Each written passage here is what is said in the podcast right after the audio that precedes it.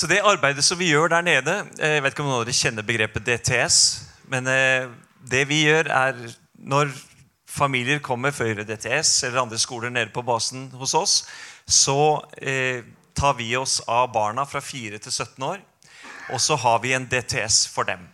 Så det, tanken bak det hele der er at når, når en familie kommer, så må jo hele familien, tas vare på.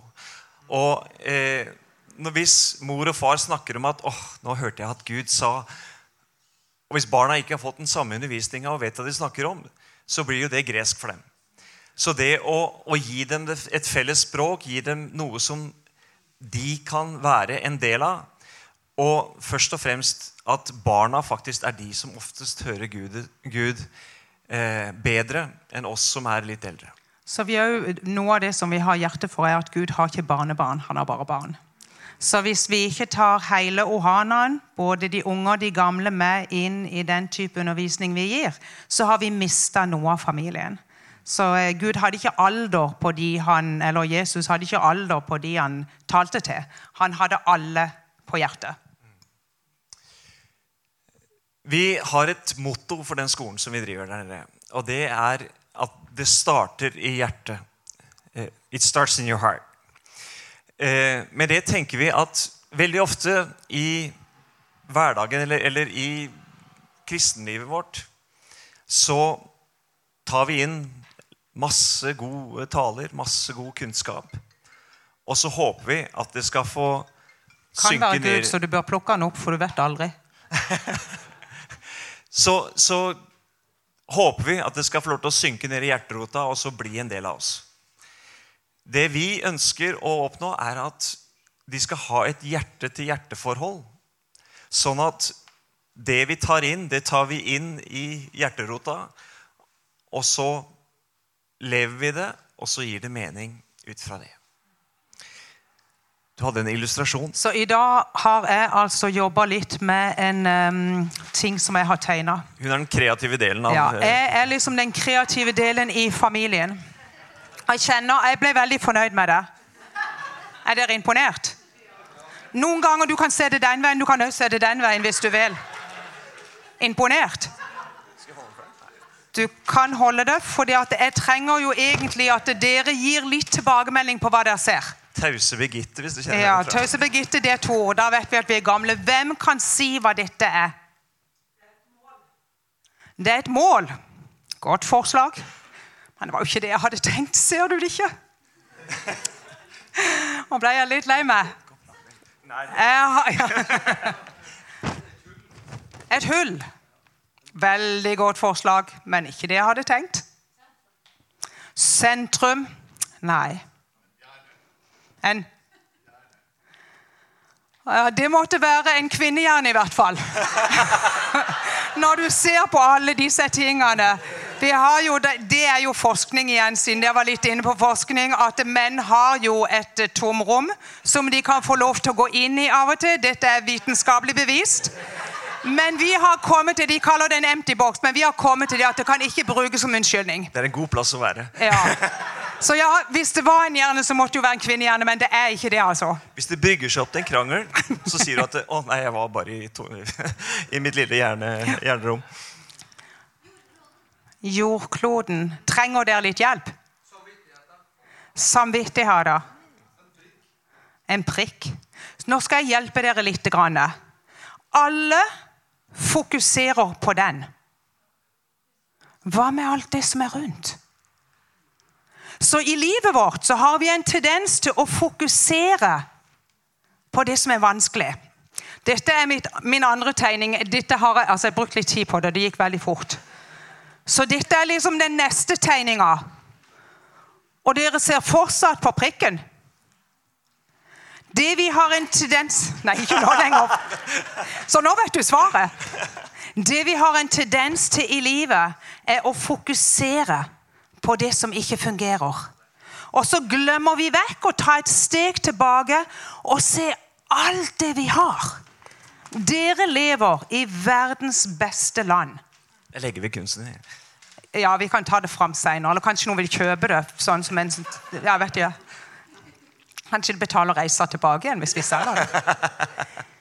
Vi lever i verdens beste land, men vi ser det ikke. Den illustrasjonen går på hva er det vi er takknemlige for. Takknemlighet er den beste medisinen du kan gi deg sjøl. Det å se på alt det som er bra i livet, ikke de tingene som ikke fungerer. Så tenker dere kanskje at det er lett for deg å si. Det er ting i mitt liv òg som ikke nødvendigvis fungerer. Men en ting som jeg lærte for mange år siden, som forandra mitt liv, det var at før jeg går ut av senga, så finner jeg ti ting som jeg er takknemlig for. Og så forandrer det hele dagen. Prøv det. Det er livsforvandlende. Og når jeg hadde gjort det en stund, så fant jeg ut at jeg begynte jo bare å se på det videre. Så alle de tingene som var der, plutselig så var det bare en liten prikk. Det som ikke fungerte. Takknemlighet er en gratis medisin som dere har. Spørsmålet er bruker dere den. Og Det som jeg deler nå, det er som noen ganger så uh, sier du har problemer med ryggen. Så går du til kiropraktoren, og så justerer han litt. Han knekker litt. Men det er ikke gjort alt med å bare gå til kiropraktoren. Du må gå hjem, og så må du trene. Og så må du fortsette det han har gitt. Det dere får nå, takknemlighet, kan forandre livene deres. Men kun hvis dere går hjem og praktiserer. Kun hvis dere velger å se på alle de tingene rundt. Og For meg så var det livsforvandlende når jeg begynte å se på alle de gode tingene jeg har. Og så har det blitt en livsstil. Og nå er det jo sånn som hvis noen sier ja, hva er du takknemlig for? Nei, hva er jeg ikke takknemlig for? Jeg våkner opp i dag og ser på den naturen dere har her. Hvordan kan du bli i dårlig humør når du har alt det rundt deg? Hvordan kan du på en måte våkne og ha en dårlig dag når det ser sånn ut ute, og den dagen som det var sommer i tillegg? Jeg tror nesten jeg har blitt solbrent i dag. Det, litt, det kan jeg være takknemlig for. Men du kan alltid finne noe å være takknemlig for. Og en annen ting som Når du gjør det, så ser du verden med Guds øyne. Du ser mennesker med Guds øyne. Når vi begynner da, når det hender av og til vi jobber med barn, blant annet, og det er ikke alle som, det er noen som er litt mer interessante enn andre. Og som på en måte krever deg litt mer enn andre. Og Da begynner jeg dagen med Gud, hjelp meg å se den gutten med dine øyne. Og det forandrer jo alltid. Hvis du har noen som er utfordrende i din krets, Gud, hjelp meg å se dem med dine øyne. For det er noe med at Gud elsker alle. Det er ikke bare sånn at han elsker meg fordi jeg er misjonær. Men han elsker meg òg. Og så er det for mange av oss vi har faktisk ikke oppdaget at det er kjernen. Når vi snakker om, bare for å trekke litt inn mot det som dere hadde i stad her, også det med, med, enten man er ektepar eller, eller har søsken, eller hvem det er som en er nær, så, så, handler, så tenker vi ofte at jeg ønsker å motta kjærlighet fra den personen. Men kjærlighet handler ikke om hva du kan få. Kjærlighet handler faktisk om hva du kan gi. Og når du gir, så vil du oppleve det at folk får lyst til å både gi tilbake og til å være rundt deg. Og da har du en gyllen mulighet til å leve et liv som Når du lever et liv i takknemlighet, så er du en modell for andre, sånn at de kan, kan lære av måten du er på. Da blir det ikke bare de orda du sier, og eh, hva, du, hva, du, liksom fysisk eh, ja, hva, du, hva, du, utbroderer i livet generelt, men, men, det du lever i hverdagen. Når du møter noen, hvordan du møter dem. hvordan du, altså Vi, jo, vi opplever jo der vi er, så, så eh, Du kan si det å være i UiO eh, det, det, er jo en tjeneste som vi, vi, har stått i nå i 16 år. Og vi tjener ikke ei krone. Men Gud er utrolig sjenerøs. Han, han, gir på plasser hvor vi overhodet ikke hadde sett muligheten engang for at, at vi skulle kunne eh, motta fra. Og da mener jeg ikke penger nødvendigvis. Jeg tenker eh, ja, ta, ta, ta, sønnen vår som, som eh, eh har, hadde et talent, eller har et talent innenfor fotball. Og så i løpet av fire år så betalte I Amerika så må du betale for college hele veien. ikke sant? Men så betalte de stipend for han i fire år ved at han spilte fotball for det colleget, eller for to college. Men poenget der er at det er Guds gave, det også. Det handler bare om å se de tingene som, som er rundt deg. Når vi kommer her til, til Norge, så, så Noe av det første som møter oss, det er folk som sier ja, men, Hvordan skal det gå med dere? dere, dere når dere kommer tilbake til Norge og blir pensjonister Det er ikke så innmari lenge til. Det er lenge til. Vel, ja, ja. Sett i hvilket perspektiv. Men, det, men, men poenget er da, da sier hvordan skal dere klare dere på en minstepensjonistlønn? Og vi tenker Da får vi jo faktisk penger. Poenget er at hvis Gud kan, kan Hvis vi kan legge våre liv i hans hender og være der og gjøre det som han har kalt oss til å gjøre Så Gud har, han, Gud har sagt 'gå', og vi har gått. Og han har sagt 'gå', og jeg skal ta vare på dere. Vi har en avtale med ham om at eneste grunn for at vi ikke skal gå og være der vi er, er at han setter opp et stort stoppskilt i ansiktet på oss. Og Da betyr det bare at da skal vi forandre kurs og gjøre noe annet. I livene våre så, så tror jeg det er litt sånn at vi hele tiden ser etter ting som skal være bedre enn det de er der hvor vi er. Og så ser vi ikke den betydning som vi har for de folka som er rundt oss, ved å leve det livet som vi har blitt kalt til å leve. Og det, Da er det ikke kalt bare sånn misjonærkall. Hvis du er revisor, så Som Liv Ellen vi, vi hadde en prat i stad om det å faktisk være være et medmenneske for andre i den jobben også. Og så har, du, så har du et kall inn i den jobben også. Eller lærer. Eller hvilket yrke du måtte enn ha. Så kan du på den arbeidsplassen du er, eller hvis du er hjemmeværende, i hjemmet der du er, så kan du vise Jesus til andre. Til naboen.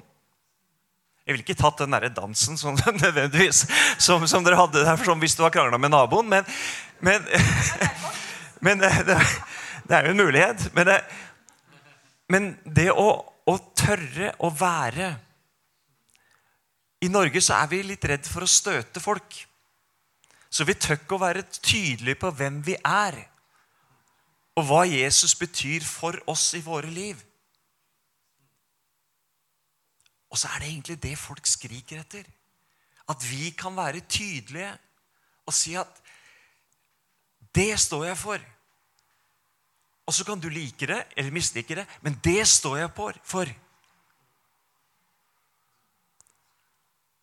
Og så viser du dem kjærlighet ved å akseptere at det kan være andre, andre meninger og andre tanker rundt akkurat den samme tingen. Men iallfall så sier du 'det står jeg for', for det har jeg i min tro. Det å være tydelig i troen er utrolig viktig. Så et av våre mottoer er å 'live life to the fullest'. Lev. Lev vel. Det er ikke sånn at dette er en prøvetid, og så etter hvert så kommer det virkelige livet. Det er jo dette som er livet. Så veldig ofte så er det ja, men når de tingene skjer. Men det er jo i dag som er livet. Vi har bare i dag. For når du kommer til i morgen, så er det i dag. Dette gikk seint inn. Vi har bare i dag. Så når du kommer til i morgen, så er det i dag. Så du kan ikke leve i fortida eller i framtida. Men det er dette som er livet. Det er her du må leve. Vær til stede i ditt eget liv. Du har bare ditt liv. Jeg har jo prøvd å leve hans sitt liv. Det har jeg gjort. Jeg trodde jeg gjorde en god jobb. Men eh, det ble ikke sånn som jeg hadde tenkt. Og så ser jeg jo jeg kan bare leve mitt liv, men jeg vil leve det til det for, to the fullest. Det ble veldig dårlig oversettelse, men jeg håper jeg hører ja, fullt ut. Eh, Og det er noe med at livene våre er jo en vinn-vinn. Hvis vi går hjem og blir med Jesus, wow, det hadde vært deilig. For å være helt ærlig. Så bare en liten bakgrunnshistorie. Jeg har kreft. Og jeg har nå levd med alvorlig kreft i flere år. Så jeg er veldig på overtid. Men poenget er jo at når jeg greip at livet er vinn-vinn Jeg har i dag, og så får jeg lov til å dele med alle dere hvor verdifullt livet er. Men om jeg skulle gå Nei, det hadde vært godt, dere. Det er jo det vi lever for òg. Og så er det opp til Gud. Så kan vi stå der i den på en måte livet, livet etter døden. Men hvis vi er midt til stede i livet vårt, så eier vi jo livet. Og så er det så fantastisk å få lov til å leve hver eneste dag to the fullest. Ikke tenk at dere kan få det i reprise. For det gjør vi ikke. Så ikke kast bort dagen.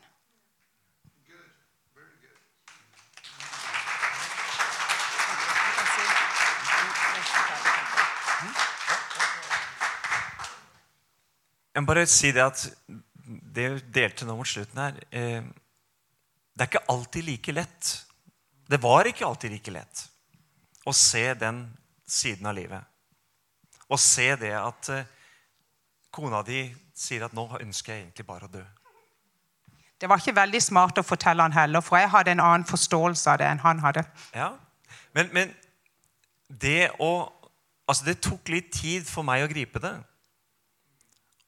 Og så faktisk kunne si Det er helt greit, du skal få lov til å dø. Bare jeg får dø først. Nei, nei, nei, altså, vi har ikke noe dødslyst, noen av oss. Men gleden over livet blir større når du vet hvor du går. Ja. Så betyr det ingenting hvor du er, bare du lever der du er. Ja, vi hadde, altså, når, vi, når vi forberedte dette her, så, så var det tusen altså Vi har tusen ting vi kunne delt. Men, men eh, det vi deler nå, det med å leve livet fullt ut, det er noe som jeg virkelig håper at hver enkelt av dere For det, folk rundt dere vil legge merke til det med en gang. Du, men du må eie det. For hvis du ikke eier det, så ser de at du spiller et skuespill. Du er nødt til å eie det for å kunne bringe det videre. For da preger det hele livet ditt der du er. Men det er ikke omstendighetene som avgjør om du har et godt liv. Det er det valget du tar. Gud ga oss eh, frie valg. Så vi kan velge å fokusere på den prikken i midten. Og det står du helt fritt til å gjøre. Men du kan òg velge å se de tingene rundt, og da blir livet helt annerledes. Og så er det det han har gitt oss. Det er jo å se alt det andre. For vi har så mye flere gode ting enn vi har dårlige ting. Og da kan selv de tingene som er en utfordring, i livet ditt, bli ok å leve med. Så jeg har lyst til å gi dere den utfordringa. Det er først av alt la livet deres bli en takknemlighetsreise. I alt dere gjør. I alle dager. Selv i de dagene hvor livet er tungt. For det er et valg, det er ikke en følelse. Så det er ikke sånn at du våkner opp og så kjenner du du nødvendigvis er takknemlig. Du våkner opp og så gjør du et valg. For hvis vi skal leve etter følelsene, så kan livet vårt bli ganske så komplisert. Men vi lever etter valg. Vi velger eh, takknemlighet. Vi velger tilgivelse. Vi velger å elske menneskene rundt oss. Og når vi gjør det, så blir det en forandring i livet ditt. Så min utfordring til dere takknemlighet. Og begynne å praktisere det. Og å leve livet to the fullest. Ikke tenk at du får det igjen, men lev fullt og helt her og nå. Amen. Jeg kan bare slutte med en bønn. Kjære Jesus, jeg takker deg for den flotte gjengen som er her. Takker deg, Herre, for at, at de, hver enkelt her inne, kan gjøre en stor forskjell der hvor de er. Takker deg, Herre, for at eh, du gir oss alle en mulighet til å skape en forandring der vi er. Og på en måte hvordan det kan, kan eh, multipliseres ved at når vi skaper en forandring, så skaper det forandring hos andre, som igjen kan skape forandring. Og så har vi plutselig et helt land som kan forandres fordi at vi velger å leve. Takker deg, Jesus, for at, at, denne plassen her ser ut til å være en plass hvor det er åpen, åpent hus for alle. Og at det er en plass hvor generasjoner kan møtes samtidig.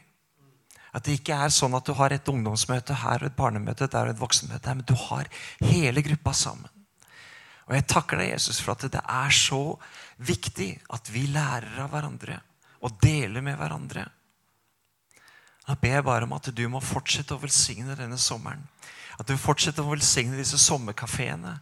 Og at hver enkelt som, som kommer her, må kjenne at dette er en god plass å være. Jeg ber velsignelse over de som er pastorer her. Fordi at både her og i Kristiansund, samme, samme menighet, to forskjellige plasser, skjønte jeg, at, at, du som, at du hjelper lederskapet til å både gjøre vise valg og til å gjøre valg som er etter ditt hjerte. Takker deg, Herre, for eh, en flott plass, og takker deg for at vi fikk lov til å komme her. Amen.